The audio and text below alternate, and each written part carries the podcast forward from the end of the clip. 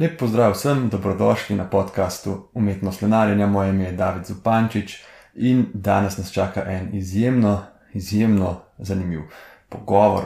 Če moj glas deluje navdušeno, je to zato, ker v resnici sem zelo navdušen. Uh, imam namreč kar tri goste na današnjem pogovoru, v katerem se bomo dotaknili v bistvu zelo resnih in izjemno relevantnih uh, tem, skupna tematika, etični in pravni vidiki uh, najtežjih odločitev v medicini, se pravi, dilem, uh, ko dovolj kadra ali dovolj opreme ni in je treba v bistvu vleči odločitve, ki so vedno težke in praktično nikoli ne morejo biti dobre.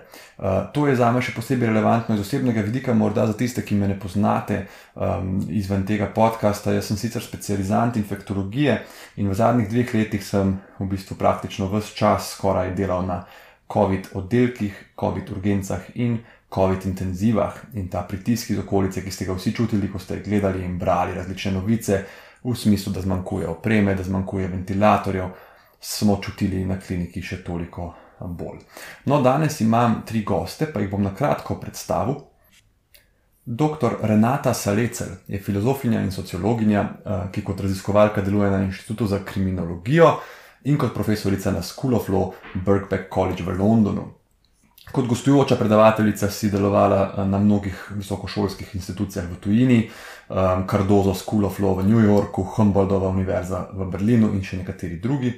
Um, v letu 2021 pa izdala tudi dve knjigi in sicer Strast do nevednosti in Človek človeku virus. Uh, sem pa prebral, da so bile tvoje knjige prevedene že v 16 jezikov, tako da moram reči, kot nekdo, ki ravno kar izdaja svojo prvo knjigo, si mi iz tega vidika kar velik vzor. Um, potem pa uh, profesor dr. Matjaš Ambrož, veliko veselje mi je, da si tudi ti z nami, uh, profesor kazanskega prava na pravni fakulteti Univerze v Ljubljani, raziskovalec na Inštitutu za kriminologijo, uh, raziskovalno predvsem na področjih temeljnih vprašanj kazanskega prava, pripisovanja kazanske odgovornosti in kaznovalnih teorij. Tudi Humboldtov štipendist, uh, v sklopu tega gostoval na Humboldtovi univerzi in tudi na Inštitutu Maxa Planka in pa Laura Briški, s katero sem bil, mi smo bila najprej v navezi, ko smo se pogovarjali za ta podcast, mlada raziskovalka na Inštitutu za kriminologijo, pravni fakulteti v Ljubljani in tudi doktorska študentka na pravni fakulteti. Med drugim sodeluje tudi pri raziskovalnih projektih, kot so psihološki mehanizmi v kazenskem pravosodju in pa seveda etični in pravni vidiki triaže ob epidemiji COVID-19. Jaz se zelo iskreno že čist cel teden veselim tega pogovora. Tako da, kar začnimo.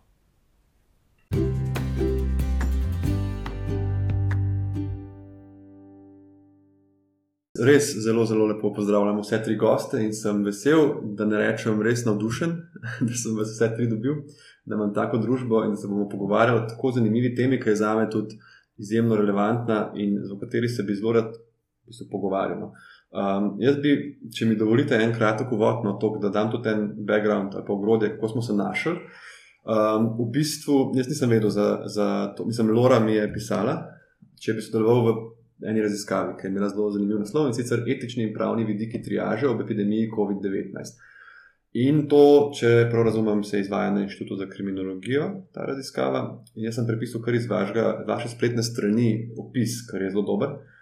In sicer pandemija COVID-19 je v večini držav po svetu povzročila resne preobremenitve zdravstvenega sistema, ob takšnih preobremenitvah prihaja do tako imenovanih kolizij dolžnosti. Zaradi premalo osebja, tehničnih sredstev ali pomankanja drugih virov ustrezne zdravstvene oskrbe ni mogoče zagotoviti vsem pacijentom, ki bi jo potrebovali. Te situacije povzročajo neznosen pritisk na odločevalce, ki so soočeni z izbiro, komu od pacijentov ponuditi možnost preživetja. S tem v zvezi se odpirajo kompleksne etične in pravne dileme, o katerih smo v preteklosti razpravljali zgolj na podlagi hipotetičnih scenarijev. Kriza COVID-19 pa nas je prisilila, da o teh dilemah ponovno razmislimo in ponudimo jasne in bolj pregledne odgovore na te dileme.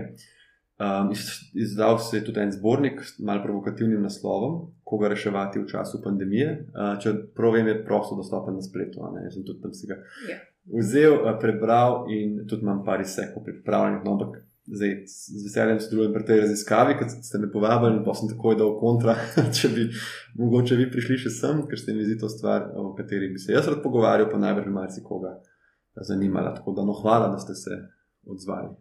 Ja, hvala tudi tebi, da si prišel nas eh, sem eh, posnet in mi zelo z veseljem nekako širimo naše eh, rezultate raziskave. Ja, vse se mi zdi, da je človek, ki nekako rad govori o svojem delu, je tudi vedno dobro poslušati.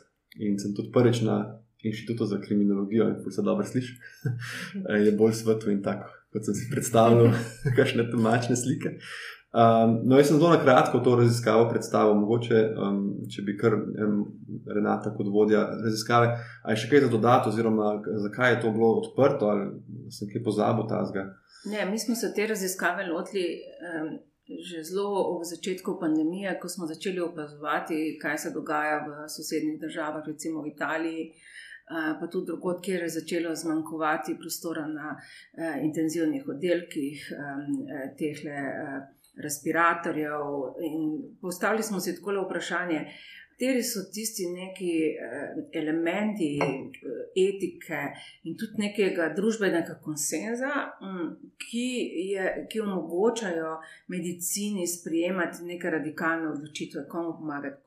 Nam se je zdelo, da je vprašanje triaže v času pandemije širše družbeno kot samo medicinsko vprašanje. Ne. V medicini vi imate postopke triaže, na, ki jih sprejemate kar naprej. Ne. Komu mhm, date določen mhm. organ, recimo pri presajanju, eh, koga prvo sprejmete ob neki nesreči in, in podobno. Tukaj je pa druga situacija, ki zahteva v bistvu nek družben konsens in hkrati, kjer se postavljajo vpraš, pravna vprašanja. Mhm. Ali je nek zdravnik odgovoren, recimo pravno odgovoren, ali lahko kazensko preganjan ko sprejme neko tako traumatično odločitev, in seveda psihološki moment, kako recimo zdravnik se sooča z temi grozljivimi odločitvami. In najprej smo videli, da obstaja en filozofski problem in sicer, katere mehanizme razmišljanja o vem, enakosti uh, ti nekako podpiraš v družbi. Zdaj, navadno na besedah smo vsi za enakost. Ampak mi smo šli pogledati mednarodno, kako druge države recimo, postopajo v takih tragičnih triažah, in smo ugotovili, da sledijo zelo različno dvema filozofskima šolama, ki sta v bistvu dominantne v današnjem razmišljanju o etičnih odločitvah. Na eni strani imamo eh, razmišljanje, res, ki propagira neko. Idejo enakosti, kjer se pa ob tej enakosti ne vpraša, recimo, kaj pravzaprav ta enakost pomeni. Namreč ob triaži lahko rečemo, vse bomo obravnavali vem, enako, vsi bodo imeli enak dostop do recimo, zdravstvene oskrbe. Ampak to potem skoraj ni več triaža. Sveda, to ni več triaža ja. in hkrati tudi pomeni, kdo bo pravzaprav prvi prišel. Ne? Ja. Eh, nekdo nima avta, recimo, da, ja. da bo za, zašibal do bolnice. Ne? Potem smo nekje ugotovili, da zelo velik držav pa dejansko sprejema neke ideje utilitarizma. In sicer, da se naredi eh, nek razmislek eh, in pravzaprav neka hierarhija, ki je zelo lahko problematična. Namreč, komu boš prvo pomagal? Spet tukaj ne gre za izključno medicinsko vprašanje? Eh, kdo ima največje možnosti preživetja. Če imate dva zelo podobne možnosti preživetja, pa imaš samo eno mesto na intenzivnem oddelku, boš mogel na nek način izbirati. Ne? In Vprašali smo se tudi, ali bi ta izbira lahko bila boljša, če obstajajo neki parametri in da ti parametri ne, obstajajo na način, da so pravzaprav družbeno nekje tudi bili predebatirani. Uh. -huh. e, to smo razmišljali, pa ali ni nekako možno, da se naredijo uh, neke skupine, ki skupinsko odločajo. In tukaj so nam bile zelo všeč, recimo, smernice, eh, ki so jih v nemško govorečih državah, marsikaj sprejeli, še posebej v Nemčiji, da naj bo to eh, skupina, oni govorijo o šestih očeh. Ki naj bi recimo, bili pri odločanju, in da je eden od te skupine, ki odloča v triažnem postopku v času pandemije, nekdo, ki ni zdravnik, mogoče ne vem, socialni delavec ali pa ne vem, nekdo, ki se ukvarja z medicinsko etiko, ali pa vsaj ne vem, medicinska sestra. Da ne gre izključno tle za vprašanje, vem, kako se bi zdravniki odločili, ampak da ta e, širši element na nek način vključimo. Super, mislim, da je ogromno izhodišč, ki si zdaj odprla, na katere se bomo, po mojem, vse navedali. Jaz bi sam rekel, mogoče samo to za začetek, zdaj, ko govorimo o teh triažah, kar po mojem, zdaj najbolj govorimo o tem, kot smo rekli, da se pravi en respirator, dva kritično bolna, življenje in smrt. Zato, ker dejansko je treba povedati, da triažiranje ni omejeno samo na izredne razmere in v resnici poteka čisto vsak dan. Kdorkoli bo na urgenci, tudi od vas ali pa nas, je najbolj videti, da je po navadi tam kar gužva, nikoli ni tako, da pridemo, gremo not do zdravnika in domov. In v tej gužvi ti moraš vsakodnevno v bistvu obravnavati bolnike, ki so eni bolj, drugi manj življenjsko ogroženi. Tako da od leta 2010 je tudi v Sloveniji, kot v večini evropskih držav, v vseh urgentnih centrih tako imenovan manchesterski triažni sistem. Če ste bili na urgenci, ste tudi mogoče videli rumena, zelena, oranžna. Človek pride po enem algoritmu, dobi barvo in. Fora teh barov je samo to, kdo more ta trenutek v ambulanto, ali pa čez 10 minut, ali pa lahko dve uri počaka, ali pa žal na naši urgenci se čaka, da je tudi 10 ur. Um, ker pač je omejeno uh, količina zdravnikov. Tok, no, ta druga triaža, um, je to, na kateri točki pa je zdaj ta uh, raziskava? Že... Mi smo pri koncu, zdaj uh mhm. -huh. pripravljamo angliško knjigo, uh, ki jo oddajamo zelo na kažem mesecu, v uh -huh. Springerju bo išla. Uh, in v bistvu z letošnjim letom zaključujemo, no, naslednjem mesecu, predvsem se zaključuje, slovenska knjiga je javno dostopna, no, angliška je rahlo spremenjena, ampak nam je zelo pomembno, da ta vprašanja, ki smo jih mi odprli, podelimo z uh, znanstveniki v svetu, ker zadevajo res uh, toliko držav, ki so se s tem soočale. Ne, in s tem bomo odprli tudi neko mednarodno razpravo. Jaz sem prebral ta zbornik vaš. Ki je na spletu, ne celega, no, ampak preletel, uh, prebral sem skoraj vse članke. Ena stvar, noter, um, ki tudi v bistvu profesor Ambrož, mislim, da je tvoj prispevek, ki sem si podčrtil in je bilo tako dober, en stavek in sicer izhodiščno načelo kazenskega prava je, da se od nikogar ne more pričakovati, da naredi nemogoče. In vam moram povedati, da v teh dveh letih se meni zdaj zdi, da se pričakuje od nas točno to, ko si prišel v službo. Ja, se to je, kako bi rekel, eno tako staro, ne samo kazensko pravno, ampak nasplošno. Ja. pravno načelo, ne, da tistega, kar je ne mogoče, ne moreš izterjati od nikogar. Ampak a, hkrati gre pa tako človeška psihologija pa pogosto proti temu načelu, ne, zlasti, kadar so. Pač, kadar se zgodi kakšna katastrofa, in tako naprej, ne, smo, smo ljudje narejeni tako, da uh, se dobro počutimo, če, če lahko to katastrofo rekonstruiramo tako, da rečemo, da je nekdo kriv za njo in ga kličemo na, na odgovornost. Nam potem nekako odleže, odleže ker eh, je svet postane spet bolj predvidljiv. Ne? Se pravi, če ne bi bilo tega krivca, bi bili danes še vsi živi. Pa, to je neka, neka taka katarza. Se mi zdi, da je to. Um, Zato je to načelo treba tako vse čas nekako ponavljati, da, uh, da ne gremo s prevelikimi pričakovanji uh, nad take, v bistvu, katastrofične scenarije. Uh, tisto, kar sem želel prej še dodati, ko si umenil, ne, kako je pravzaprav uh, triaža neka taka vsakodnevna rutina na, na urgenci, pa, pa tudi drugotne, ravno zadnjič je bil po televiziji en prispevek o tem triažiranju. Na urgenci, pa da se lahko zgodi, da si potem tudi dvakrat triažiran. Tisto, kar je v zvezi s temi triažami, ki nas zanimajo, posebnost morda je to, da tu pravzaprav ne pride v poštev to razvrščanje na tiste, ki so bolj nujni in tiste, ki lahko še malo počakajo. Ne? Se pravi, te triaže smo mi nekako tako malo dramatično poimenovali, tragične triaže. Zato, ker sta oba nujna, ki čakata, ne, mm -hmm. tragičnost te odločitve je pa v tem, da enemu od njih boš dal šanso, drugemu je pa ne boš. Uh, zato je to morda nekoliko tako kako bi rekel, izostren triažni konflikt. To je tudi iz tega istega prispevka, se mi zdi, piše. To so položaji, kjer je vsaka odločitev slaba. Mhm. In to je velik strah zdravnika, da pride v tak položaj, ne? ker mi smo učeni od prvega dneva medicinske fakultete, vsaka odločitev mora biti premišljena in vsaka odločitev mora biti pravilna. In jaz vem, da ko sem jaz naredil svojo, recimo, eno veliko napako, že recimo, med specializacijo, zaradi česar je bil bolnik ogrožen, pa potem, hvala Bogu, ni bilo nič hujšega. In sem se zelo sekiral, zaradi tega mi je rekla ena specialistka, le da to se zgodi in se zgodi vsem, ampak se pa ne sme. in sem bož ne bi mogla povedati. Ne? Vsak ima za sabo take stvari, ko si ne, ne prespan, ko si v gužvi, spregledaš, ampak ne smeš. Ampak je pa normalno, da si to naredi naravnost. No? In potem upaš, da ni nekih hujših posledic. Um, zdaj, jaz sem gledal to tudi definicijo triaže, mislim, da je ta Lora tvoj prvi prispevek v knjigi. In mi je bila zelo fajn ta citat Klaus Roxin ali Roxin, ne vem, če prav spregovorim ta pring, kjer je pisal o tej upravičljivi koliziji dožnosti, se pravi, um, ko ni možno vseh rešiti, potem pač je to upravičljiva kolizija dožnosti in Klaus Roxin je rekel, v tem primeru se lahko očitki nanašajo le na usodo, ne pa na človeka, ki je bil podvržen. To mi je bilo tako fajn lahko si jezen na svet, ampak pač na umno, ki je probo vse, pa ni mogel, pa se mi zdi, da pač nisi mogel biti. Ne. Ta citat v bistvu pove vse. Ja, no da, tako težko je kaj dodati.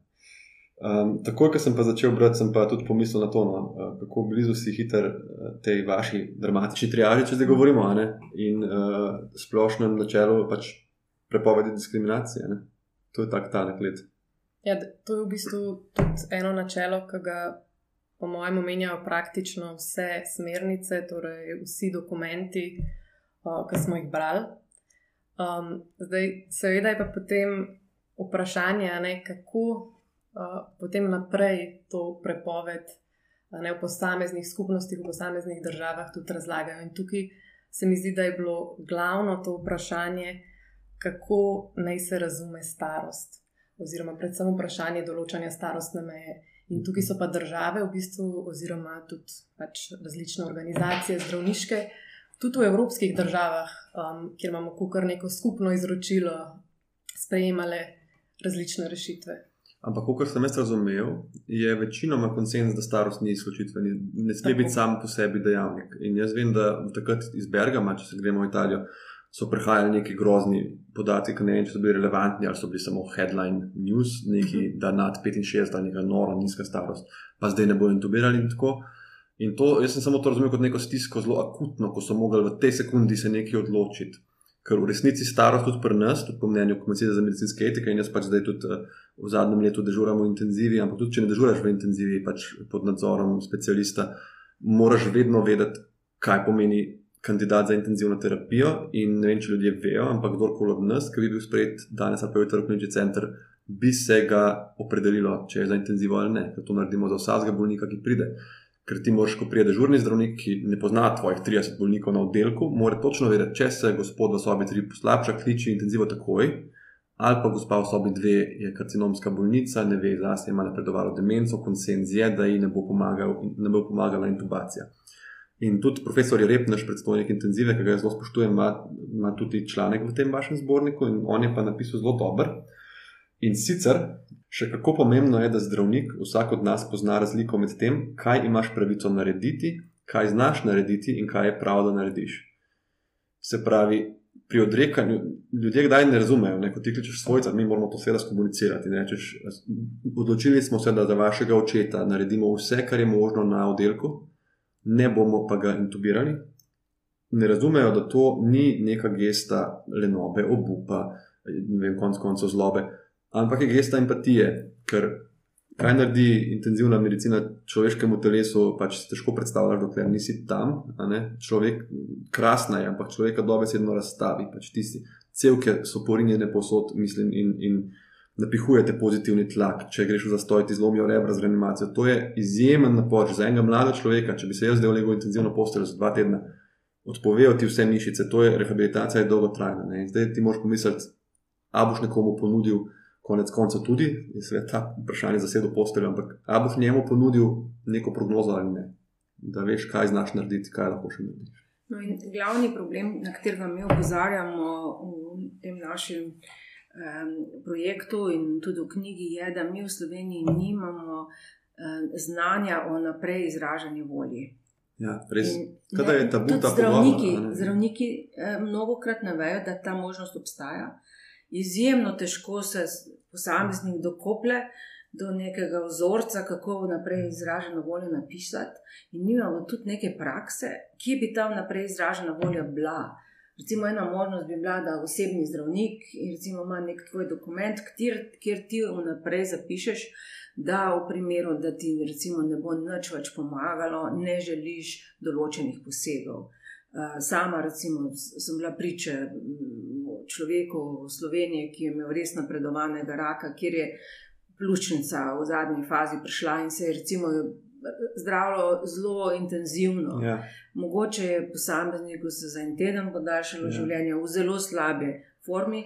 Podobna situacija je bila v Veliki Britaniji. Mm, Oče moje prijateljice, ki je imel napisano vnaprej izraženo voljo, ravno tako dobil pljučnico, mu niso intenzivno dajali recimo antibiotiko, ker je imel napisano, da ne želi. Ti se lahko seveda vsakokrat premisliš. Ne? Ampak jaz mislim, da znotraj medicinske stroke je naloga, da se ta ideja vnaprej izražene volje dejansko na nek način skomunicira in da se tu slovensko javnost opozori, da pri nas ta možnost obstaja, ampak da je pa res težko dostopna.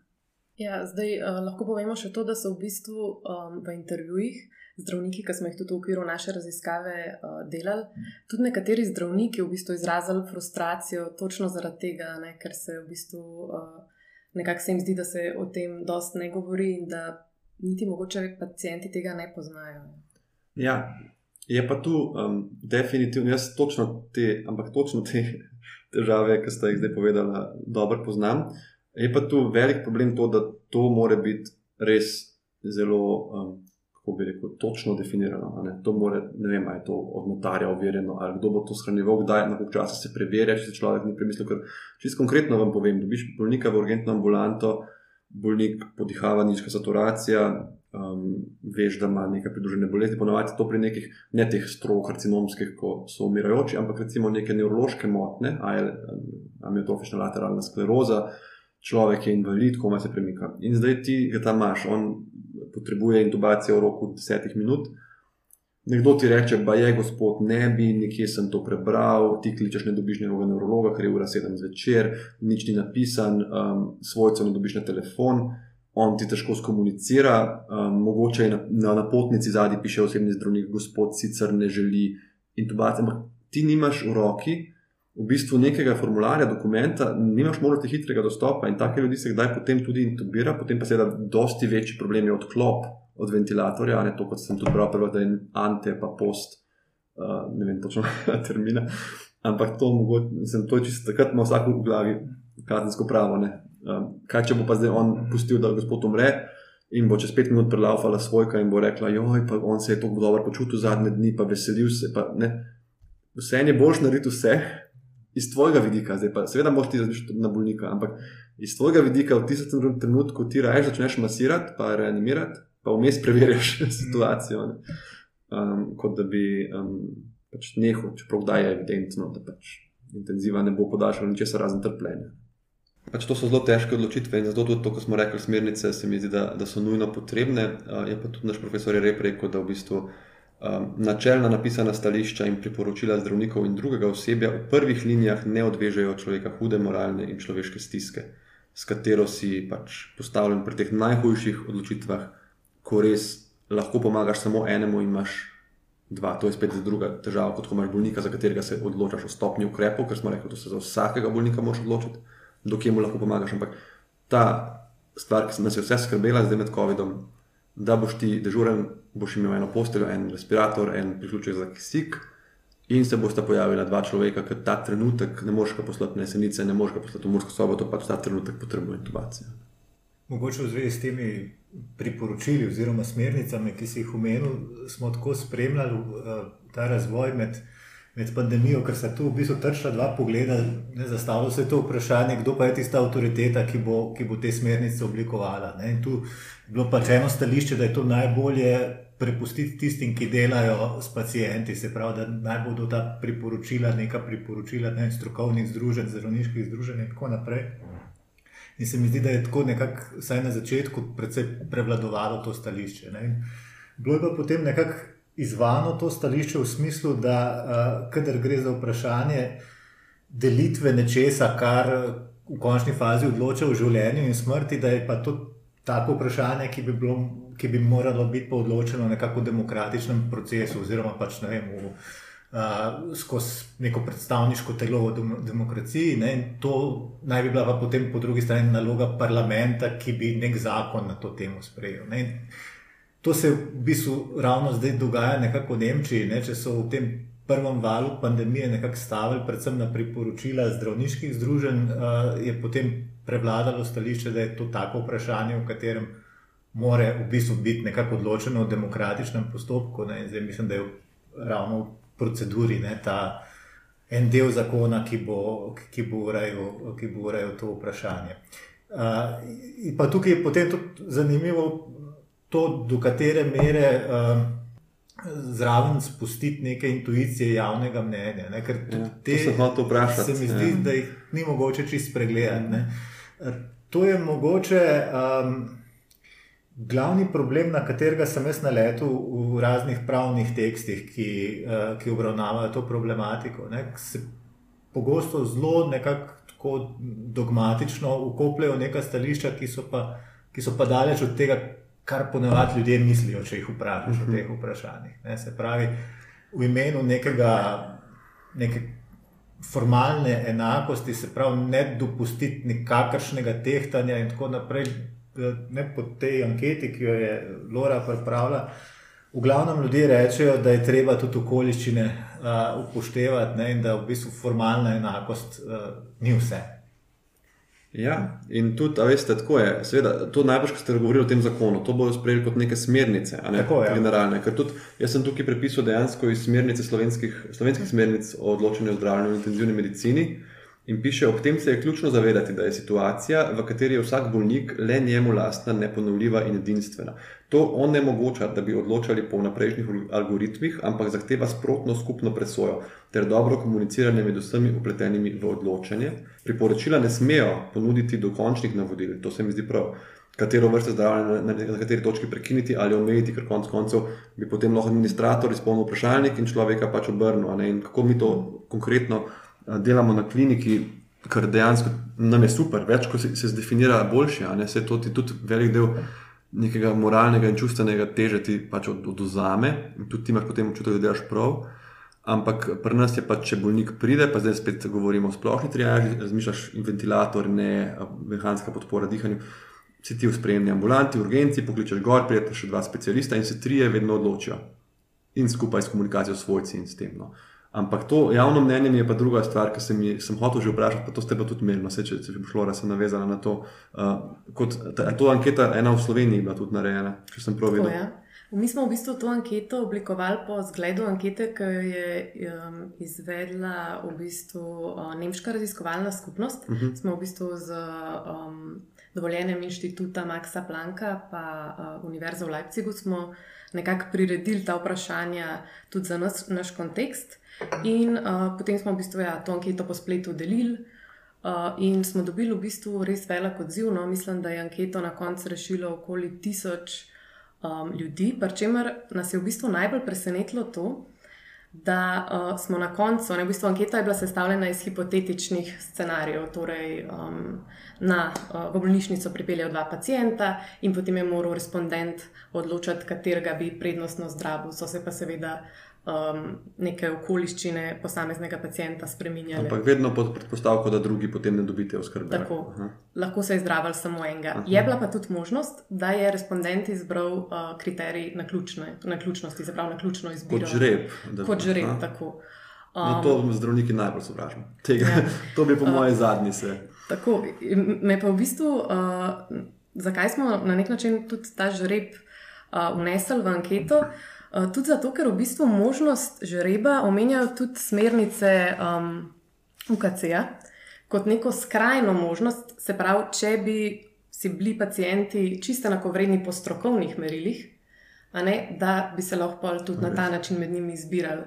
Kar po svoje na nek način je logično, ker ko enkrat zapustimo ta tla strokovnih kriterijev, ne, nam itak preostane ali pač izbira žrebom ali pa vnos nekih kriterijev, kot so družbeni. Ne, Ko taki, tako predstaviš, se strinjam, ampak Ja. ja. jaz mislim, da nikoli ne imaš res dveh bolnikov, ki bi bila res enaka. Um, mislim, ampak hipotetično Ja. ja. nisem vedel, kje smernice UKC pa so. Uh, to so te smernice, smernice, ki so bile izdane junija 2020, Aha. strokovno-etična priporočila UKC Ljubljana. Ob pandemiji okužb. Tako. Aha. Tukaj, takrat, kdaj je 2020, Tako je. to je najhujši del, ko smo pričakovali dejansko, Ja. takrat, da, da bi se lahko zgodilo to. No. Ja, v naši anketi so eh, seveda takšne eh, fiktivne recimo, situacije. Ne? Recimo, potencijalna izbira je med dvema ženskama, recimo z podobno možnostjo ozdravitve. Ena je mati trem otrokom, druga recimo nima otrok. Ali je eh, to lahko nek kriterij izbire ne? eh, in kako bi se ljudje odločili. Zdaj, večina respondentov eh, je se odločila, da da ventilator ženski z otroci. Ne? Sveda v komentarjih so pa nekateri dali tudi učitek, ampak eh, ženska z otroci je imela že možnost izživeti, nekako doživeti materinstvo, druga, ki nima otrok, pa sploh te možnosti postati mati. Ni imela. Ne? Tako da bi so postavili neko drugo vprašanje, ki seveda zakomplicira eh, to izbiro. Ne? Najtežje, seveda, tudi v anketi, vprašanje je bilo pa na to, kaj narediti, če imaš nekoga priklopljenega na ventilator in ima slabo možnost preživetja, eh, nekdo drug, ki pa nima nekakšnega dostopa do ventilatorja, ker imamo recimo potencijalno samo en ventilator, bi imel pa boljše možnosti preživetja ali se strinjate, da tistega prvega odklopimo in drugega preklopimo. Tukaj zelo veliko ljudi je nekako zbralo ne. Pustimo tistega, ki ima slabše možnosti na eh, ventilatorju. Ne? Kar je recimo ta, to težko vprašanje, recimo ex arte, ex posto. Aha, to je. Sploh Matjaš, ti si se z velik s tem ukvarjal. Ne? Ja, se tu je. V resnici gre za to dilemo. Ne? Se pravi, vse čas smo prej govorili o tem najbolj osnovnem scenariju, ko je eno skrbno mesto še prazno in prijete dva, ki ga potrebujete. Ne? Druga možnost je pa, da je to skrbno mesto sicer že zasedeno, potem pa pride nekdo, ki bi ga potreboval. In vprašanje, ki se zastavlja, je, ali je v kakršnem koli primeru dopustno napraviti neko reevalvacijo, se pravi, je bila ta dodelitev smiselna in po potrebi morda tudi spremeniti to odločitev, ali je, ko je stvar enkrat, rečemo v navednicah, dana, potem dana dokončno. Um, zdaj, uh, tu mogoče najprej samo toliko za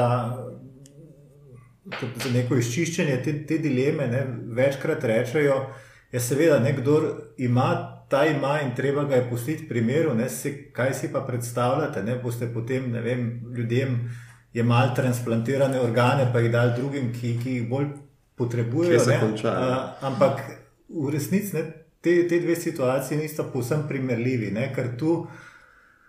Uh, gre pravzaprav ne toliko za tisti Ne, če hočete tubus, ki ga predstavite od enega do drugega, gre bolj za uskrbno mesto, ki v bistvu zahteva neko kontinuirano obravnavo. Ne. Se pravi, če ti te kadrovske resurse nameniš enemu, jih ne moreš drugemu. In v tem smislu ne gre za to, ne, da bi nekaj bilo že dano in se ne bi smelo več vzeti. Ne. Gre za vprašanje, na koliko časa je smiselno nekako premisliti, ali so te, ta sredstva, ki jih imamo na voljo racionalno porabljena uh, ali ne. ne. Je pa to, mogoče bomo še potem v nadaljevanju kaj več uh, o tem govorili, mi je pa samo na misel prišlo, ko sta Renata in Lora govorila, govorili o anketi. Uh, in tudi, recimo, v pombah, ki so jih ljudje napisali, ne, za me je bila to zelo dragocena izkušnja, koliko je bilo jeznih pripomb, v smislu, da so pa to nezaslišane vprašanja. Se pravi, ne, da se ne bi smeli pogovarjati. Vprašanja, ki se jih ne zastavlja. Uh, ne, in, uh, kdo ste zdaj videli, da boste drezali v te tabuje? Uh, Slotko. V tem smislu. Ampak, ja. Kako so pa odgovarjali večinoma na to konkretno vprašanje? Ja. O odklopu. E, navadno ne bi ga odklopili, ne bi, ne, ne, ampak mi smo v anketi želeli uh, nekako tri skupine ljudi. Uh, ena skupina zdravstveni delavci, zato smo zelo iskali zdravnike in druge zdravstvene delavce, da vidimo, kako se oni odločajo. Ljudi, ki delajo v pravni stroki, ki razmišljajo, kaj bi recimo pravično, kaj ne, malo drugače, in širšo populacijo. Zdaj, pri zdravnikih, eh, nažalost, eh, nismo dobili dovoljenje zdravniške zbornice, da bi podelila našo anketo z vsemi svojimi člani.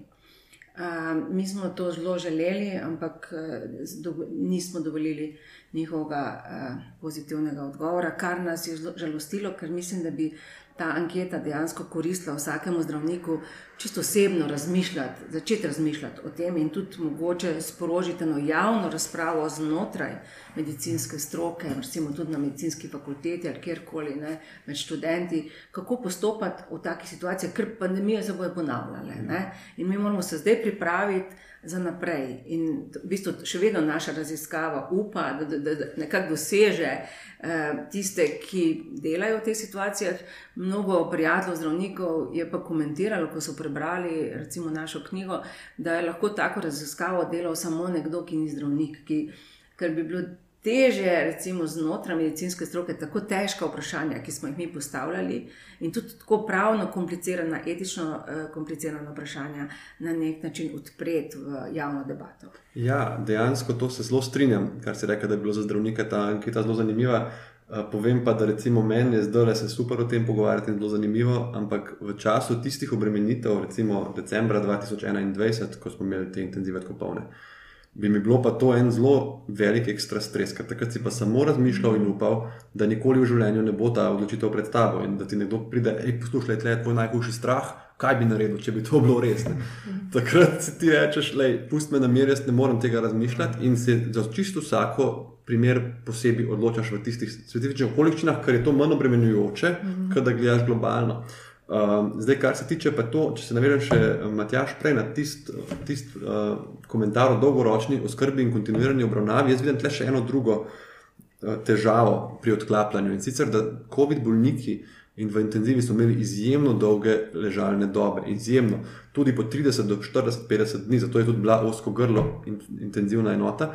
In problem je bil v tem, seveda si ti videl načelno prognozo, videl si podajnost pljuč, videl si zaplet, ampak ti nisi mogel reči, da ne bo ta človek čez 3-4 tedne dejansko, da si ga rešil. In zdaj si ga imel recimo 3-4 tedne na ventilatorju, delal si s polno eh, ekipo UKC-ja in so odklapljali, se to sem tudi mislil pravi, čisto iz pravnega vidika, ali sploh lahko zdravnik prekine. Ko je enkrat začel intenzivno terapijo, če ni to nek paliativen bolnik, ki recimo je zakrvavel v možgane, ki vemo, da ne bo nikoli več prišel k sebi. Um, to je eno vprašanje, ali je to sploh dovoljeno. Ja, to je tudi v pravu, je to, kako bi rekel, hudo kreganje okrog tega. Ne, zelo različni uh, pristopi k temu vprašanju so. Ne, nek tak tradicionalen pristop k temu vprašanju, ki mislim, da je danes do neke mere presežen, ne, je bil ta, da ko je enkrat recimo oseba priklopljena na neko aparaturo, naj bi bil to bistveno drugačen scenarij, scenarij ja. kot če še ni priklopljena. Ne, in argument je bil tako zelo formalne narave. Ne? Namreč, uh, dokler nekdo ni priklopljen, ga je lažje zavrniti, ker mu ti samo ne boš pomagal. Ko pa je nekdo priklopljen, ga boš pa aktivno usmrtil, če ga boš uh, odklopil. Nekdo ne? mora pritisniti zgolj na ventilatorju. Tako nekako. Ne? Zelo velik poudarek je bil nekemu razlikovanju dveh tipov ravnanja. Ne? A da ne narediš nič. Ne? ali da aktivno nekako posežeš v neko, neko skrbo, ki, ki se je že začela. Je pa seveda tu se izkaže, da je zelo veliko odvisno od tega, s kakšnimi besedami ti opišuješ neko zdravljenje. Ne? Ker prav tako bi lahko rekel za tega, ki je priklopljen na neko aparaturo, da v bistvu aktivno zdravljenje vse čas poteka in ga potem postopno opuščaš. To bi pa naredili te dve situacije bolj primerljive. To se dogaja, recimo pri bolnikih, um, tudi krvavito možgane, vidiš, prognoza je absolutno za nič. Imáš zjutraj konzili, štiri specialisti. Nikoli se ne reče, ja, mislim, to je to, da je vstan David, pa pojdi sklopiti štekrne. Mislim, na ta način nikoli. Vedno se reče, recimo, v redu, torej, a se zmenimo, da odstopimo od hemodialize bolniku ta trenutek ne moremo več pomagati. A uvajamo še antibiotik ali ne? ne? Zdaj tudi v vaši knjigi in to moramo se mi zdi umeniti, da um, nikoli nimaš pravice odstopiti od palijativne obravnave. Bolnik mora imeti uh, analgezijo, mora mu biti toplo, mora, ne sme imeti bolečine in to. Ampak ti lahko um, nekomu, ki je intubiran, ventiliran, ne da ga odklopiš, ampak enostavno ne, da ne intenziviraš zdravljenja na nek način. Ampak to je treba vedeti, da to so take odločitve, ki nikoli niso narejene na hitro, vedno so narejene na določen primer in se tudi reavalvirajo. Recimo dva dni kasneje kontrolni CT glave, uh, hematom v resorpciji, EEG preiskava kaže v redu valovanje in je nek smisel, zenice so odzivne ponovno v redu, vse nazaj, naredimo hemodializo, uvedemo antibiotike. V bistvu to se na dnevni bazi revalvira in to je važno, ker so zaradi predaj bolnikov, kot smo rekli, mi imamo zdravstveno službo 24 ur na dan, 7 dni v tednu, vedno je nekdo dežuren, ni nas neskončno, pridejo tudi zunani in ti moraš vsakemu povedati, za vsakega bolnika, kaj. Ja, um, kaj, kaj mora narediti, kaj ne sme narediti, tudi konec koncev, ki so prepovedani iz zdravstvenih razlogov. Vsak mora vedeti, vsakega bolnika, vse to. In uh, drugače, mislim, ta, ta anketa se meni zdi ful, ful zanimiva. Mogoče, če imaš še kakšen primer, Laura, čistko, da jaz bi se še tle malo stavil. No? Um, ker so taki, mislim, hipotetično mi je zanimiva, če bi pa mogel to se odločiti, pa bog ne da.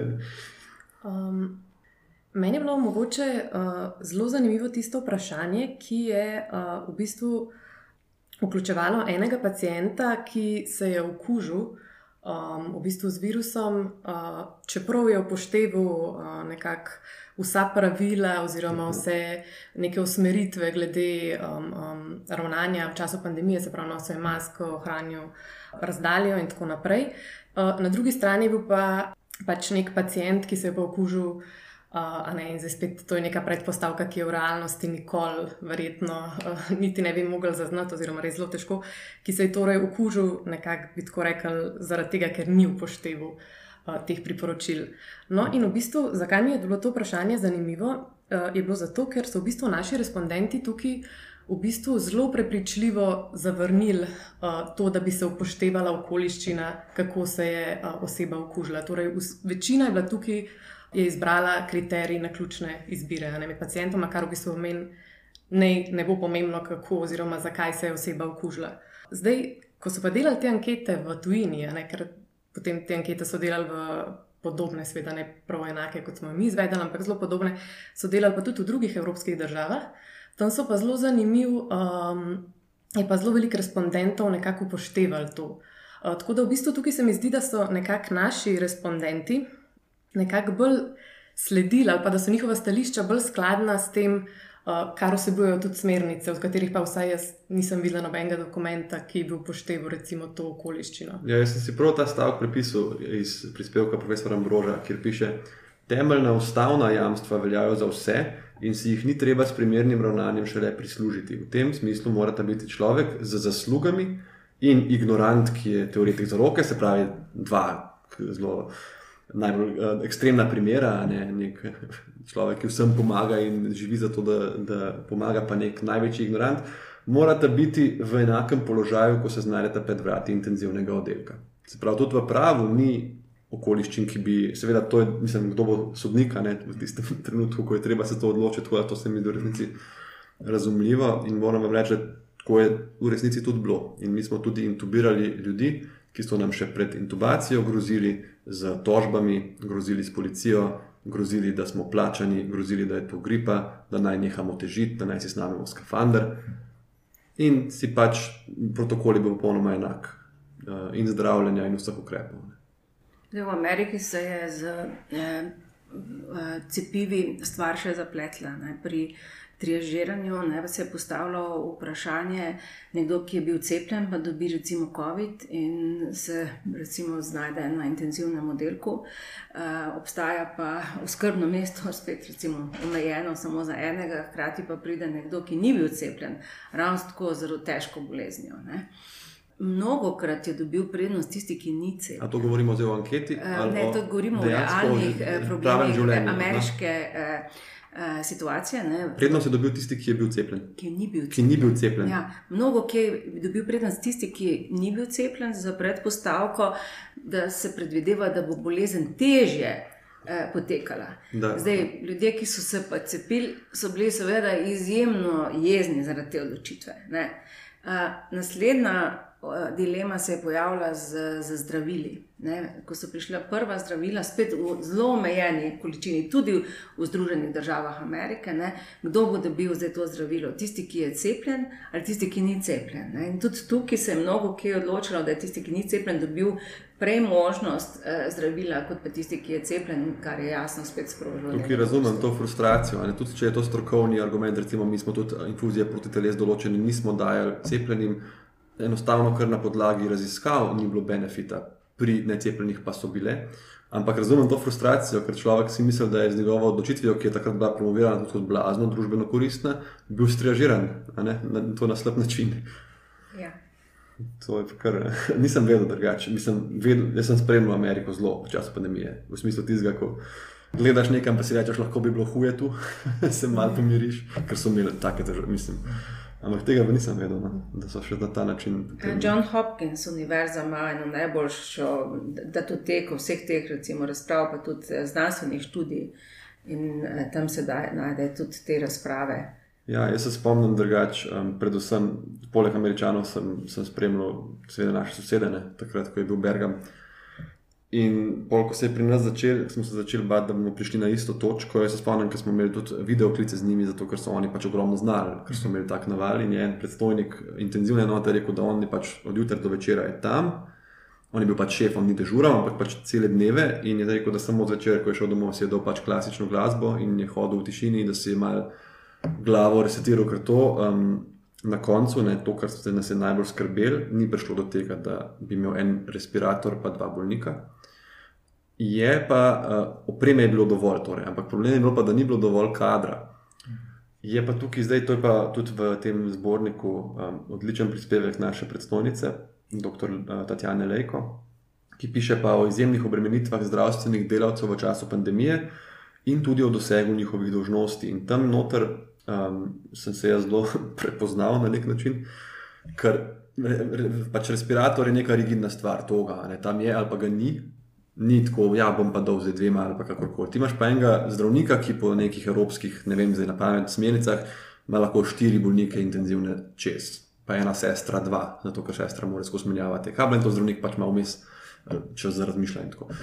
In zdaj na nadoma smo bili recimo dežurni v intenzivni hali tisti in je bilo na enega bolj, zdravnika na mestu 14 bolnikov. In jaz se spomnim pač, mislim, to je, to je nekako grozen v glavi, ker ti imaš občutek še vedno, da moraš biti nezmotljiv ti ne moreš na hitro. Če bi zdaj enemu odličnemu kuharju rekel, da nam štirim naredi v eni uri obrok, bi naredil najbrž fantastičen obrok, bi pa rekel, da je zdaj za cel inštitut v eni uri narediti obrok, bi najbrž naredil, ne, sam ne bi bil tako dober. Ne. Ti pa ne moreš tam reči, da bom jaz pri tem bolniku sam pol izvidel pogled.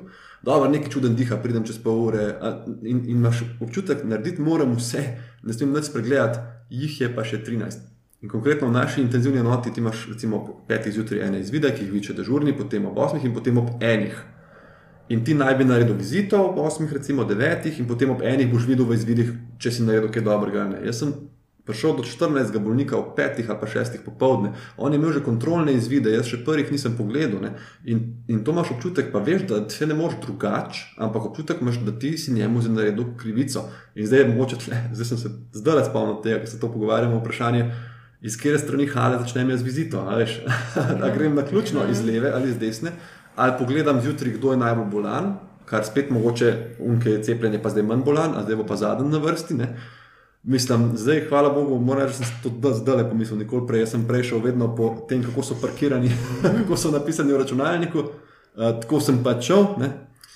Ampak to je relevantno vprašanje, ker tudi, ko prežeš 14 bolnika ob 5 popoldne, imaš glavo bistveno manj spočito. To je vprašanje, ali si jedel zajtrk ali ne. ne? Ja. Slab, če zdaj, se odločiš, če si lačen. A, če še bolj to, po sedmih, osmih bolnikih ne moreš več, moraš iti na stranišče in moraš nekaj pojesti. In zdaj te pritiski. Ne? In to je napisala tudi dr. Lejko. Jaz sem si uh, dejansko uh, prepisal ven. Uh, se pravi, z odločitvijo za naš poklic smo na nek način že prevzeli tveganje. Dodatno je poklic legitimiran z neke vrste socialno pogodbo, zaradi teh socialnih pogodb, ki jih v bistvu predelujejo kodeksi etike. Moramo biti na voljo v teh primerih. Ampak, pa nadaljuje. Vprašanje pa je, ali smo zdravstveni delavci dejansko dolžni izvajati dožnost skrbnega ravnanja v kakršnih koli razmerah, ki pa jih konec koncev predeluje tudi politika ne, in direktori bolnišnic in tako. Kje so pravzaprav meje, do katerih so zdravstveni delavci dolžni izpostavljati svoje zdravje, tudi psihično in življenje? Se pravi, jaz imam še šest kritično bolnih ljudi za pogled, ki so vsi zelo akutni, ampak se mi že mal vrti, jaz sem lačen, ko volk. Grem ven, grem na pauzo, vsi me vidijo, tehniki, zdravstveni, fizioterapeuti, bolniki, če so budni, in grem jesti. Recimo.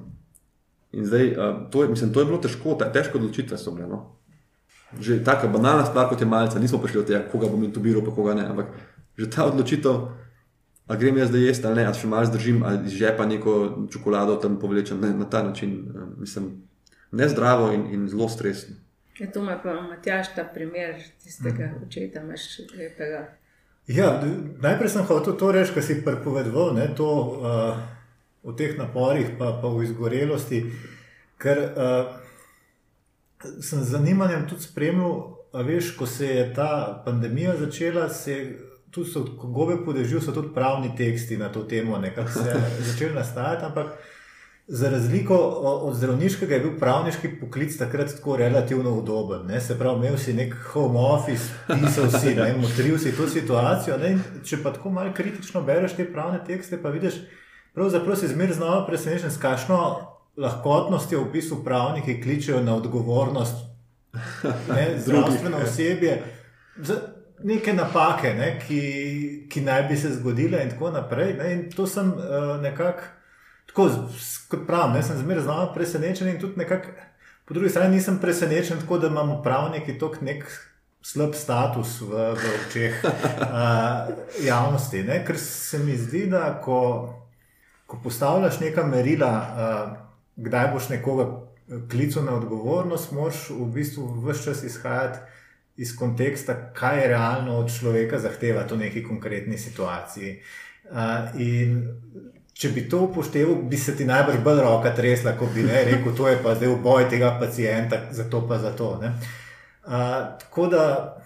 To mi je ful dobro, ta pogled, pa, da, da mi pravnik to razlaga. Ja, mislim, da je mogoče samo tako, če, kaj, uh, če bo deloval kaj tako kot uh, pomirjujoče, da teh pozivov ne, k odgovornosti v literaturi zelo velik, uh, sodne prakse je pa zelo malo. Se pravi, to je, kako bi rekel, bolj nek akademski šport, ne, biti čim bolj zagrizen, kdaj boš prepoznal neko najmanjšo napako kot potencijalno tako, ki, ki za sabo potegne uh, kazensko odgovornost. Ja, zapisal si tudi to in to sem hotel vprašati, ker me zelo zanima. Delovanje v ekstremnih pogojih in pod hudimi obremenitvami si zasluži več tolerance in naša retrospektivna presoja triažiranja mora upoštevati realne pogoje odločanja v tistem trenutku, vključno s stresom in časovno stisko. A se to v praksi potem upošteva? Če nekdo ne pride do zapleta pri zdravljenju v eni ambulanti, ki sem imel naročen sedem bolnikov do povdne, ali pa v tisti intenzivni eh, enoti, kjer sem imel štirikrat višjo kvoto ljudi. Torej, to nikjer ne piše v nobenem predpisu, kar si zdaj prebral, ampak to naj bi iz nekih, kako bi rekel, obče človeških principov izhajalo. Uh, zmeri neko, v bistvu nekomu učitaš, da je nekaj naredil na robe, ne izhajaš pač iz nekih pričakovanj, kaj bi bil on dolžan narediti in kaj bi lahko naredil. Ne. Zlasti pa tem, kaj bi lahko naredil, se, se tule uh, zaplete. Mhm. In ponovadi rečemo, da v bistvu ta kazensko-pravni odziv bi moral biti rezerviran za tiste najbolj eklatantne primere, kjer je jasno, da je ne vem, nekdo bil malomaren in, in da je vem, bil ignorant do, uh mhm. -huh. do nekih, ne vem, ko bi rekel, protokolov, da, da mu je bilo vse en za drugega in tako naprej. Zdaj, tam, kjer je pa na delu, kako bi rekel, preobremenjenost, tam pa tudi Neč ne dosežeš, če, če ljudem žugaš s kazenskim pravom. Ja, ja. Morda jih bolj ukrt spraviš, kot pa da bi jih motiviral, da bojo še boljši. Če si prav predstavljam, recimo, zdaj, če imam jaz dva scenarija v glavi. Jaz vizitiram v tej hali, recimo, sem šel iz leve proti desni, uh, pridem ob dveh šele do tega bolnika, ki bi mogel imeti vizito zjutraj in vidim, da ima kali previsok in ima že malo aritmije. Um, drugi primer pa, da jaz vizitiram in pride do mene sestra iz tiste strani in reče: Doktor, ta moj gospod ima visok kali in aritmije, ali bi lahko prišel njega zdaj pogledati. Pa jaz rečem: Pusti me, jaz sem zdaj tlef, ali miš, ko sem obremenjen. Na ta način, tukaj bi pa bil, ne, na nek način lahko rekel, ne, da je bilo nemogoče, da bi jaz videl, ja. ampak me je nekdo opozoril in jaz enostavno nisem tega upošteval. To, je, to je, ja. se mi zdi velika razlika. Ne. Ja, se mi zdi ta kontrast, ki si ga naredil, je tak učbeniški primer. Problem je samo v tem, ker je potem pa še 50 civil najbrž vmes. Ja, definitivno je. Sicer v intenzivi imamo veliko srečo, ker tudi negovalen kader, sestre in tehniki so blazno sposobni. in ti zelo pomagajo. In velikrat, kakšne stvari sami rešijo ali pa prepoznajo, vidijo. In, in najbolj neumna stvar, ki jo lahko delajo, to velikrat, kakšni mladi potentni zdravniki, da si mislijo, je ta sestra, ne, jaz sem doktor, bom jaz to šel po svoje. In uh, upoštevati uh, tudi drug kader, na koncu koncev pride fizioterapija, pride ne vem, strežnica, pa reče tam le tuli aparat. Ne, nekak, da, da, da si odziven na te zadeve, ker uh, to zadevno pa se mi zdi, da lahko nekako tudi čutiš odgovornost, če zafrkneš, um, kot te je nekdo opozoril. Ja, tukaj meni je zelo všeč primer, ki ga Matjaš v knjigi opisuje, da recimo se očetu v jezeru utapljata dva otroka, on se požene rešvati in lahko reši samo enega. Ne? V tem primeru ne moremo reči, da je narobe deloval, ne? lahko mislim, je rešil dejansko v tistem trenutku samo enega. Ne? Ja, pri teh triažnih mednarodnih problemih je pa dobro nekako se spomniti tudi, da so mnoge države okrog nas zelo različno razmišljale ne, in da ni bilo nekega enotnega modela, eh, kaj podpreti neko radikalno, čisto neko abstraktno enakost ali nek utilitarni eh, sistem. Recimo, zelo nam je bila zanimiva eh, Nizozemska, ki dejansko štrli ven od drugih evropskih držav, ker je razmišljala o življenju kot o nekem krogu kjer mora imeti vsak posameznik možnost čim večji del kroga preživeti, ali pa recimo čim več eh, nekih sezon, ne, od eh, rekla, pomladi do zime. Ne, in razmišljali so zato, da dajo na nek način prednost mlajšim. Eh, pred starejšimi eh, v svojih, eh, recimo, smernicah. Zato, da, ker niso še doživeli. Ker dovolj. niso imeli možnosti doživeti recimo, nekega večjega dela kroga življenja. Ne, to, si, to jim je bila recimo, njim, nek, nek, nek tak izziv. Ne. Švica se je zelo zapletala v vprašanju starosti, ne, ker v prvih smernicah so postavili starost 85 let po kateri ne bodo več recimo, intenzivno reševali posameznika, če pride do pomankanja eh, sredstev. So se pa pri njih zdravniki uprli in dejansko potem teh smernic niso upoštevali. Mogoče imaš ti še Lora, druge primere, ker si jih veliko brala. Ja, ta švicarski se je meni tudi zdel v bistvu res zelo zanimiv, ker je v bistvu tudi pokazal to, kako je na nek način dobro, da so neke smernice, oziroma da so javno dostopne, ker v bistvu to pol omogoča to izmenjavo mnenj in mogoče tudi pol neke dopolnitve. Ne? In te švicarske smernice so pol res malo zmehčali. Podobno smo tudi, tudi se mi zdi, da v Švici in v Ameriki. Uh, razmišljali, da bi se upošteval ta uh, cepilni status, se pravi, oseba cepljena ali ne. Uh, Uh, pa je potem tudi prišlo do neke razprave, no, izmenjave mnen, pa so tudi potem to, mislim, da vsaj na neki ravni niso tega pa na koncu vključili v neke dokumente. Francozi so nam bili tudi zanimivi, ki so pa imeli idejo eh, ene psihološke pomoči za zdravnike, ki se odločajo o triaži. In sicer ideja je bila, da bi imel v, v vsakem kraju neko 24 ur uh, odprto telefonsko številko, ki bi jo lahko uh, zdravnik poklical, s katerim bi predebatiral etične probleme odločanja. Uh, v času, recimo, kot dežurstvo, ja, podporo. Ja, kot neko psihološko podporo ob odločanju. Ne. Zanimivo, če se. No, američani so tudi razmišljali, američani nimajo nekih enotnih smernic, v bistvu vsaka bolnica je delala svoje, ampak eh, so ljudje, ki se dejansko s tem precej ukvarjajo. Tam so pa razmišljali, da v skupini, ki bi odločala o triažnih postopkih v času pandemije, da bi sodelovali tudi ljudje, ki so čist izven medicinske profesije, recimo filozofi, etiki, ampak včasih so nekateri razmišljali tudi duhovniki. Ja. Um, zdaj, tukaj mi je zelo zanimivo, ta švicarska v bistvu, omejitev starosti. In tukaj bi res rad pokazal, kako se kdaj ta teorija, tudi kar ste rekli prej, um, od doma in iz stola, s prakso razlikuje. Seveda, tudi če bi pri nas napisali ali pa kjerkoli neko mejo starostno, a priori, uh, ni za sprejem, je to narobe, ker tudi nek 80-letni gospod je lahko že tri leta nepokreten, lahko pa pleza vsak dan na šmarno goro in tako naprej. Um, če pa pogledate našo intenzivno enoto, pa nimamo tega napisanega, um, COVID specifično, lahko mogoče, jaz ne vem, zdaj glavo govorim, ampak izjemno nizka številka bolnikov, ki so bili stari, recimo 85 ali več, je bilo intubiranih. In to zdaj ne zato, ker bi bila neka smernica, ampak enostavno, ker za tako triažo in tudi za, zakaj, kdaj starejše ne jemljemo v intenzivno enoto, zaradi medicinskega razloga, ker te bolniki, mi, mislim, da enkrat, neka, enkrat vmes med tretjim in četrtim valom smo gledali ljudi, ki so bili sprejeti nad 80 let v našo intenzivo in mislim, da na tisti točki še nihče ni preživel. Um, potem podatki iz tujine, potem pridružene bolezni v resnici, v smislu, da to ne triažira a priori, kar se ne sme, da aha, on je to stari gre, ampak ko pogledaš, da s starostjo pride, krhkost pridejo pridružene bolezni, ali bo človek pozitiven tlak v pljučih preživel, ali mu lahko um, pač ponudi neko dolgotrajno oskrbo, rehabilitacijo, prognozo, kar najhuje tudi za svojce, konc koncev, pa velikih tudi ustraja, naredite vse za očeta, ker to je nekako mhm. tudi potem tisto občutek, a sem jaz zdaj rekla, da ga pustite umreti. Ampak potem, ko gledaš ti 30-40 dni tega človeka na tubusu, a veste, v intenzivni enoti v resnici je kar težko umreti, zato ker to ponudimo. Ne? Mhm. Odpoved ledvic imamo dializo, teži diha še novi ventilator, aha, padu tlak, da ima užilo vazokonstriktor. Veliko stvari medicina zna, se mora poprašati, kaj lahko naredi, oziroma kaj sme uh, človeku še narediti. Tako da v resnici mislim, da um, nikjer ni bilo napisan ali je blok, ki se ne vem, starost kot prav meja. Uh, ampak če boste pa gledali ljudi, povprečno starost v intenzivah, mislim, da pri nas je bila 65 let. Zato ker. Um, enostavno nisi mogel ponuditi ljudem, uh, ne zato, ker ne bi želel ali pa ker bo pomankanje, ampak ker uh, to ni izboljšalo prognoze, enostavno pač to huda bolezen. Uh, za starše, na srečo, zdaj, za stare in na srečo, zdaj te novi sevi se zaenkrat ne kažejo kot tako problematični. No, ko smo pa v raziskavi postavili fiktivni scenarij, da se za isti respirator borita 80-letnik in 20-letnik, je večina ljudi izbrala 20-letnika. Hmm.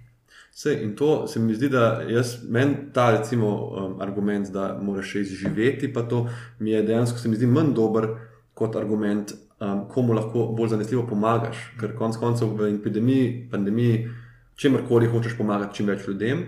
20-letnik, recimo, tri tedne respiratorja, 80% preživet, uh, preživetje, 80-letnik, zdaj govorim na pamet, vsaj 4 do 8 tednov respiratorja, 40% preživetje koliko ljudi boš vmes lahko še priklopil, um, kader, kader boš manj in tako naprej. Uh, ampak seveda, pri nas nismo triažirali glede na respirator, hvala Bogu, opreme je bilo dovolj, tako da smo triažirali izključno samo glede na bolnika in kaj je za njega najbolje.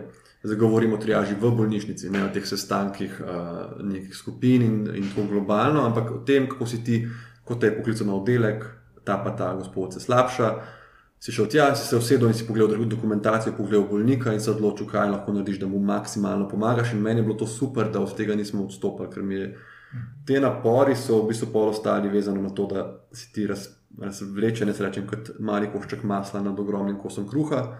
Um, In se pač skozi trpiš v smislu, da, lahko, ne, da ne moreš pomagati celostno in to, kot bi lahko v nekovih časih. In tudi v prispevku naš profesor Rep piše, da enostavno tisti, ki mislijo, da smo lahko vsem v teh hudih epidemijah, COVID-nim in ne-COVID-nim bolnikom, isto skrbo kot prej dajali, uh, on je napisal, da živi v nekem. Uh, Neki fi, fikciji, no, da, da, da ni možno. To je bil pa zelo velik problem, recimo rakavih bolnikov in drugih, ne, ker se je dejansko triaža dogajala tudi med tem. Ne. Imeli dostopa mhm. do ustreznega zdravljenja, tako da je bila to neka tiha triaža, lahko rečemo. Ne ker je bil pač na nek način bila usmeritev, eh, da se rešuje COVID-19 situacijo. Um, mislim, da se o, tem, o tej skriti tjaži pravzaprav sploh še nismo niti pogovarjali v, v družbi. Ja. Meni se zdi tako sicer, da ta triaža, ki je ločila COVID-ne in ne COVID-ne, je bila nujno ravno tudi zaradi takih bolnikov, rakavih, ki so zelo ogroženi. Če en z leukemijo v čakalnici dobi COVID, bo ja, lahko umrl. Ja. Problem je bil, pa in to jaz vidim, in nažalost se to tudi izkorišča. Nažalost je bil, da, so, da je bil argument, gospod je uh, lahko COVID, ne morem ga pregledati. Zdravnika argument ali pa nekega zdravstvenega centra ali neke ambulante, javne, privatne, nima veze. In to po letu, letu in pol epidemije, kar se meni zdi absolutno nespremljivo. Ti imaš na voljo zaščitno opremo in nekdo, ki rabi pregled, Pa me, mislim, v tej letu in pol si postavil zraven ambulante nek, nek kontejner, postavil si neko zaveso zaradi mene. Ampak da ti človeka ne pogledaš, da čaka na bris, pa veste, da bris smo kdaj čakali 48 ur, to, je, to se mi zdi nespremljivo. Ne? In to je bil problem. Da velik centrov je, je dejansko prelagal tudi na infekcijsko kliniko, recimo urgentno ambulanto. Gospoda moram pogledati, ampak on zdaj kašla, kako naj vem, da ni COVID. Jaz nimam sive cone, siva cona v smislu, ta, kjer ne vemo, je COVID ali ne napotim k vam. Ne? In to je, ta, to je tle, kjer se je ta triaža zlomila. Ker mislim, da ukrepi, da vsa ta triaža je bila zato, da lahko sploh še obravnavamo vse te bolnike, tudi rakave. Ampak če zaradi tega oni niso prišli do zdravnikov, ne? to je pa čisti kolaps sistema. Potem, ja. um, zdaj ne vem, ali bi še kdo kaj odprl, kakšen kaj pozabil, nekaj zanimivega zapovedati. Jaz sem, mislim, meni je bilo vse, kar ste povedali, zanimivo. Zato vas sprašujem, no, z veseljem še kaj. Uh, poslušam. Ja, eh, samo to bi še rekla. Zelo velik uh, medicinskih etik temelji na recimo, dejansko bolj utilitarnih uh, teorijah, potem ko pride do oblikovanja recimo, nekih recimo, smernic. Utilitarna je katera? Utilitarna je tista, da, da imaš neke smernice, pa da hkrati imaš neke principe, recimo, da poskušaš reševati čim večje število ljudi. Lahko imaš to. Utilitarna recimo, filozofija govori o tem, da probamo maksimizirati dobro, pa minimalizirati bolečino, ne, uh mhm. -huh. recimo že v svojem lastnem življenju. Predpostavljamo si, da, ži, da živimo tako, da bi čim bolj vem, utilitarnim ciljem sledili, Aha. kar recimo psihoanaliza pokaže, da absolutno ni res, ne, ker mhm. mnogo krat mi delamo vse, da nam ne bi šlo preveč dobro ne, v svojem lastnem življenju, pa najdemo celo nek užitek, eh, zelo nezaveden, veliko krat recimo v nekem trpljenju ali pa ustrajanju v kakšni bolečini. Ampak to je že tema za drug, ja, za drug podcast. Ne, ampak pri naši knjigi se je pokazalo ne, veliko vprašanja, zdaj, kaj to pomeni, recimo, maksimalizirati dobro v družbi ko gre za zdravje. To pomeni recimo reševanje čim večjega števila ljudi, navadno se tako napiše. Ne. Postavim se pa pol vprašanje. A je večje število ljudi, da je vrednost recimo, življenja večja, če rešujemo več življenj, kot pa eno življenje? Ne? Če imamo recimo na tehnici idejo reševati, reševati enega človeka, kar recimo je problem v zdravstvu, narediti vse za enega pacijenta, ali je pa potem recimo neka ideja čim več ljudem pomagati, ne razpršiti recimo neka sredstva, ki jih imamo, ali pa tudi našo energijo, pomoč na več ljudi. Prav to bi bil primer, da bi mi rekli, ne, ne moramo imeti 14 bolnikov. En zdravnik ima lahko 8 ja. in bi triažirali, in bi vam potem bolj, jaz ne bi ob treh videl izvide, ampak že prej na ta način. Ne? Se pravi, da ja. bi teh 8 noro dobro zrihtel, ne bi ja. pa jih sprejel do 14 in bi kdo zaradi tega lahko umrl. Ja. No, in on, ko smo imeli okroglo mizo, ki je tudi dostopna na YouTubu za zdravniki, ne, eh, eh, je bila to zelo zanimiva debata. Ne, ker recimo mnogo krat zdravniki bojo rekli, jaz naredim vse za svojega pacijenta. Ne. To pa lahko deluje zelo rekla, nepravično do tistih, ki sploh ne morejo postati njegovi pacijenti, ne? ker jih je recimo neka blazna množica in za tisti, ki je prvi prišel, prvi melje.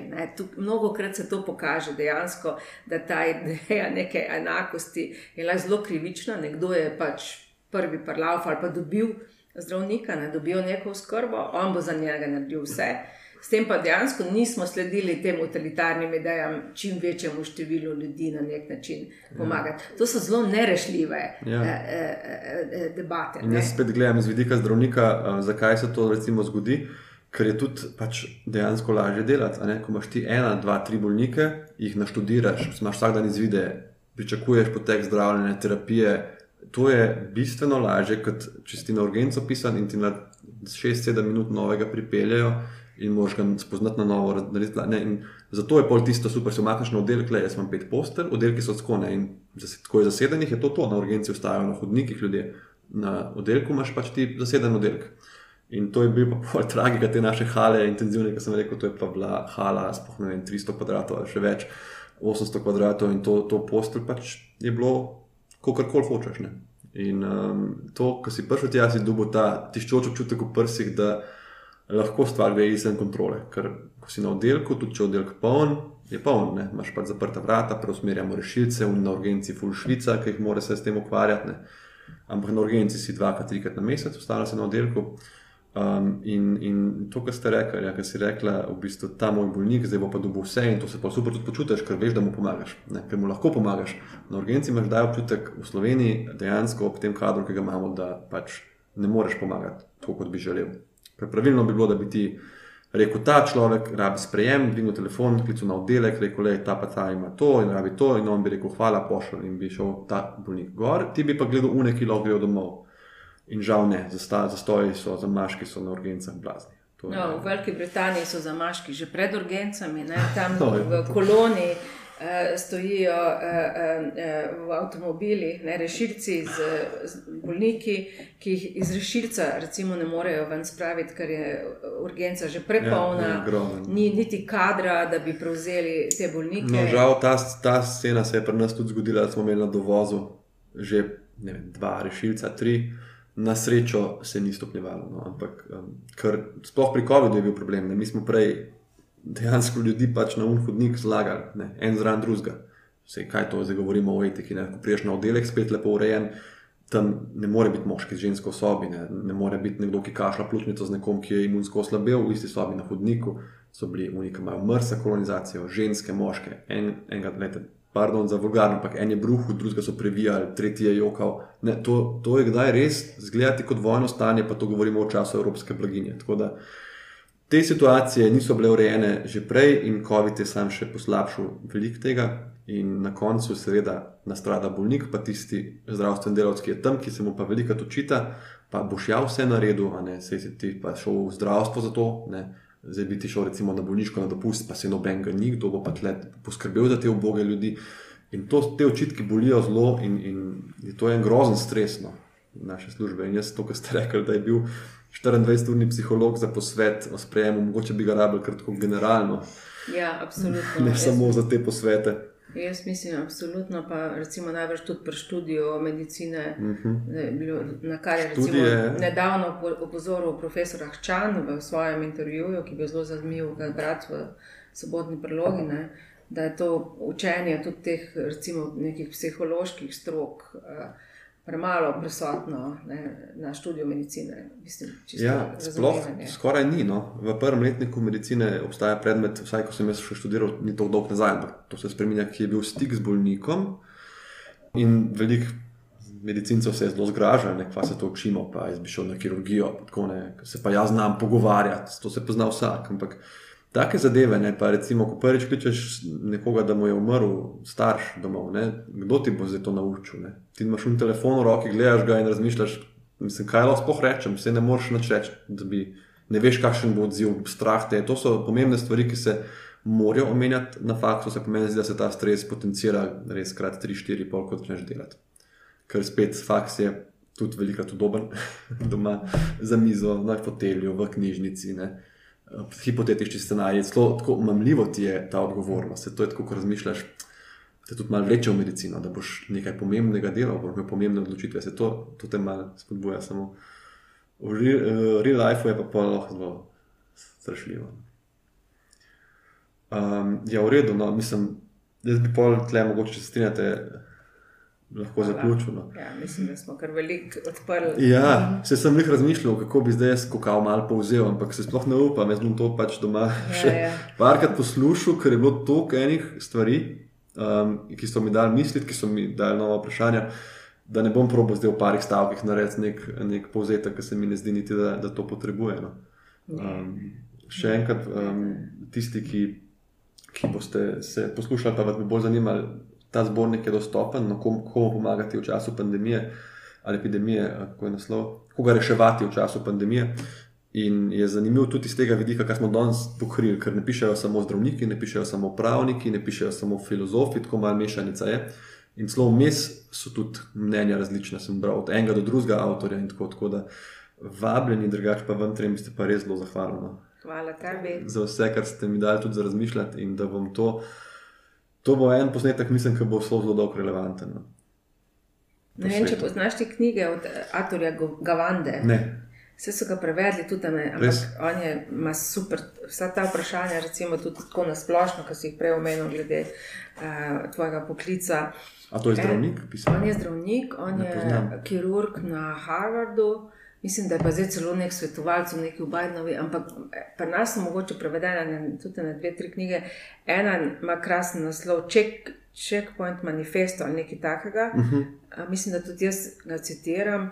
V tej knjigi imamo eno poglavje, kako ljudje zanikajo bolezen. A to je ne? strast do nevednosti ja, knjiga, ne? ja. to je ena od tvojih dveh zadnjih. Ja, tam, na, no, te, no, tlele ima poglavje, strast do, je o zanikanju bolezni, eno, ker je, ga tudi njega tudi, uh, citiram. No, drug problem, ki je tudi obravnavan na drugem poglavju, je pa genetsko. Ne? Ker zelo veliko zdaj ljudi pa pravi reči, da sem pa genetsko predisponiran bil za neki, ne? recimo za zločin. Ja. Lahko tudi imaš idejo. Uh, nisem se mogel ustaviti, ne vem, recimo abstraktni primer znotraj prava je, nekdo ima ne vem, neko, recimo, neko genetsko motnjo, zaradi česar slabo absorbira alkohol. Ne? Vseeno je pa nekaj spil in takrat je nekoga ubil. Ne? A je on odgovoren ali ne? ne? Zdaj vedo je, da ima to genetsko. Matjaša je odgovoren. Je to eno resno vprašanje. Uh, ja, veš kaj, to so, kako bi rekel, pravniki imajo pol neke svoje te formule ne? in tudi za ta primer podoben je temu tvojemu. Veš, če si ti recimo če se ti napiješ, ne, ampak si že prej malo dopuščal možnost, da boš pijan, ne boš pa, ja, da si vedel, da si predator. Ne, ja. Moj si kriv. Ja. Ja. Ja. Ja. Ampak si imel pa izbiro, kaj piješ. Ne, ja. Ja. Veš, to, to, pa, to veš, je taka debata, ki bi naj bila ja, zelo no, ampak recimo v Trstu so pa. Pred vem, dobrim desetletjem spremenili eno sodbo, ker je jih pripričal advokat, da je bil on genetsko predisponiran uh, za zločin, če si ga sprovocira. Renata, uh, hvala ti še za tale appendix. Jaz zelo, zelo rad um, končam s knjižnim priporočilom, uh, vsak podcast. Tako da Atul Gavande um, definitivno priporočam, da preverite. Eh, seveda knjigi od Renate, človek, človek, virus um, in strast do nevednega. Jaz bom pa zdaj res nekako pripeljal ta pogovor do konca. Mogoče smo celo odprli več vprašanj, kot smo na njih odgovorili, ampak to se mi zdi, da je samo znak neke zelo, zelo dobre debate. Um, in o preprostih vprašanjih se v glavnem, mislim, da nihče od nas štirih nima zelo interesa pogovarjati, pa najbrž tudi nihče interes poslušati. Tako da uh, hvala še enkrat, še tretjič vsem trem, pa hvala ne na zadnje, seveda tudi vsem vam poslušalcem, da ste bili z nami. Jaz upam, da vam je bilo zanimivo, z veseljem spremljam kakšne povratne komentarje. Um, sicer pa vam kot vedno želim čudovit preostanek dneva in se slišimo naslednjič. thank you